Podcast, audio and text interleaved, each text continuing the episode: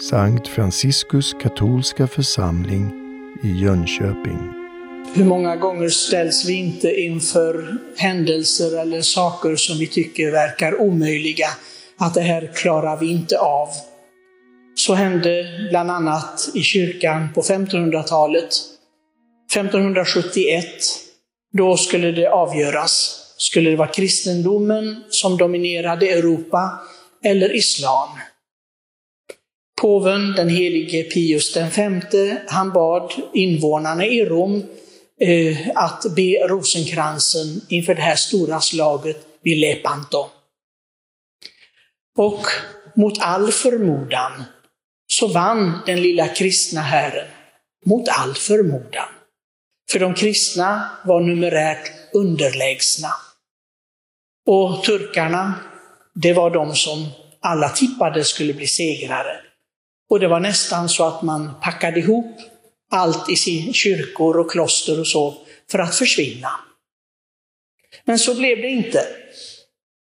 Påven, han fick gudomlig ingivelse att Guds moder Maria, som hade fått se det omöjliga hända, att en jungfru får föda Messias, hon skulle bli förebedjare för kyrkan, för kristenheten. Och så skedde också. Och det var den 7 oktober 1571, i slaget vid Lepanto. Och påven Pius V instiftade den här festdagen för att fira detta. Ja, det är lite underligt har jag alltid tyckt att den heliga Birgitta får knuffa undan vår fru av rosenkransen, för det, det, jag tror nog att Guds moder Maria är den starkare, eller hur? Det är nog hon som dominerar i himlen i alla fall. Det tror jag inte Birgitta, hur kaxig hon än var. Men kyrkan i herrstiftet fick tillåtelse att fira Birgitta igår, den 7 oktober på rosenkransens dag, därför att det var just den dagen som Birgitta blev helgonförklarad. Och det var speciellt, ja vi har ju så få helgonförklarade människor här uppe tyckte kyrkan, så att okej okay då, det fick gå. Men det här är en stor händelse som talar om förbönens makt. Hur viktigt det är att ha kontakt med himlen. Det finns ingenting omöjligt för Gud, hörde vi. Vi tycker många gånger att det känns hopplöst. Men särskilt i kanske vårt personliga liv, i familjelivet, i ja, många saker.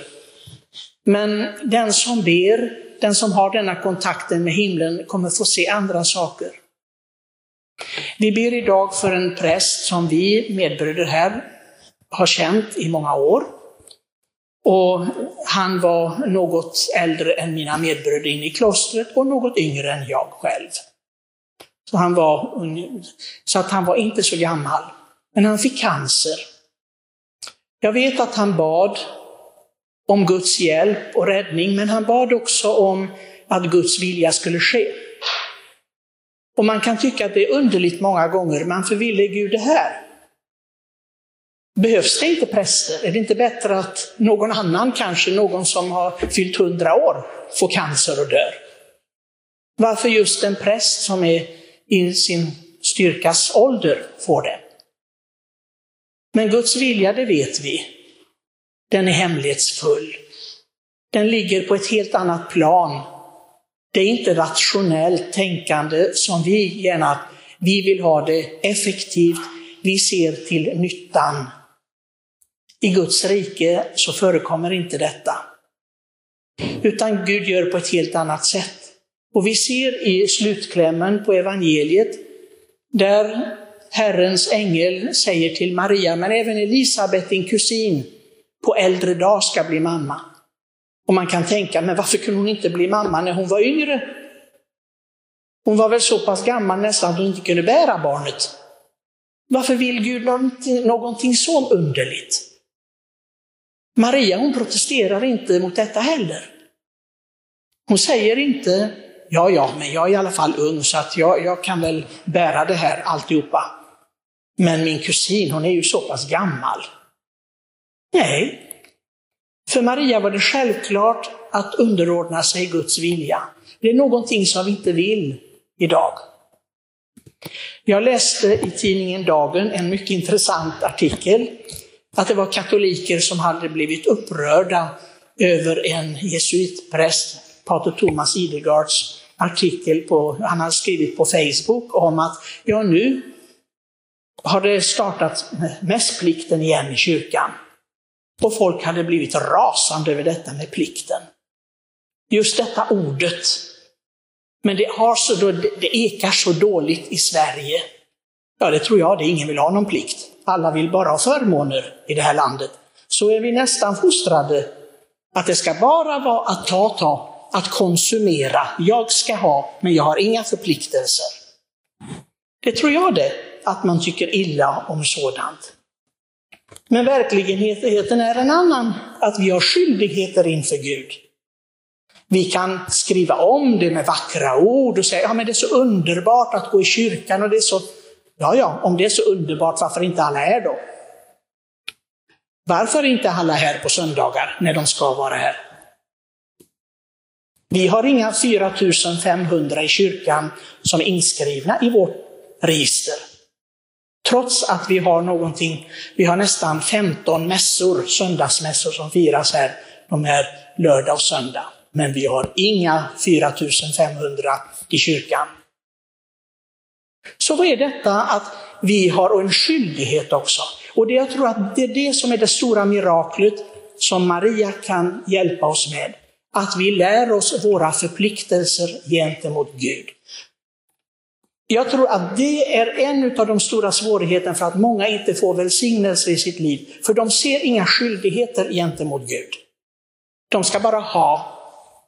Gud har blivit en önskemaskin, en Coca-Cola-maskin. Jag lägger i mitt lilla mynt, min lilla bön och jag ska ha.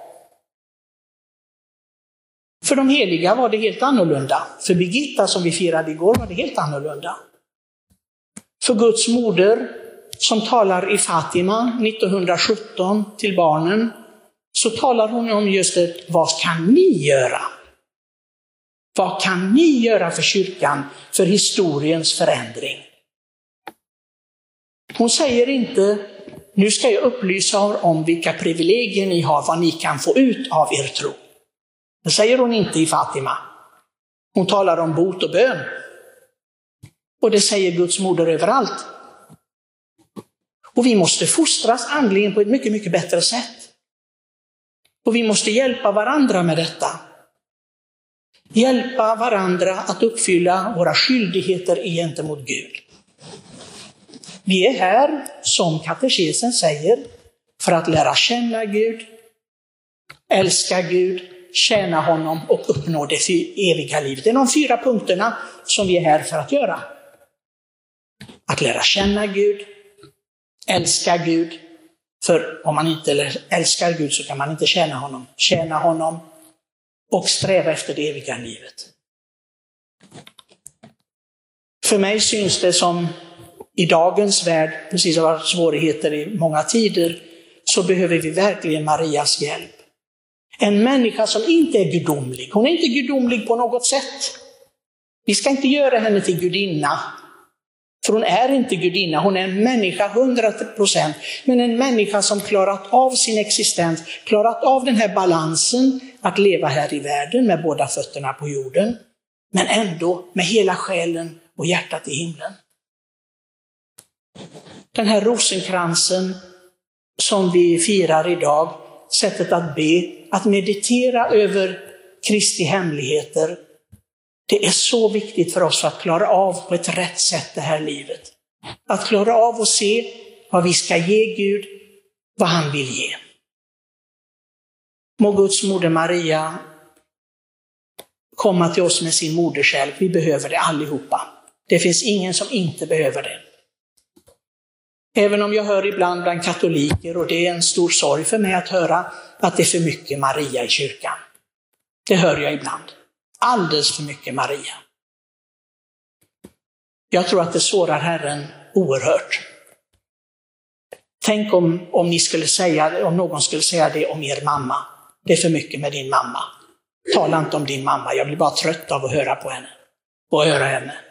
Tänk om någon skulle säga det till mig. Vi skulle bli ledsna. Och vi förstår heller inte att det är skillnad också mellan våra mödrar åt den moder som Gud har gett till frälsaren. Hon har fått ett speciellt uppdrag som ingen annan moder har fått. Så låt oss verkligen vörda henne, låt oss verkligen uppfylla det som hon säger i Lourdes, i Fatima bland annat. Be rosenkransen. Håll dig till den bönen. Meditera över evangelierna och du ska bli till det som Gud vill att du ska bli. Amen.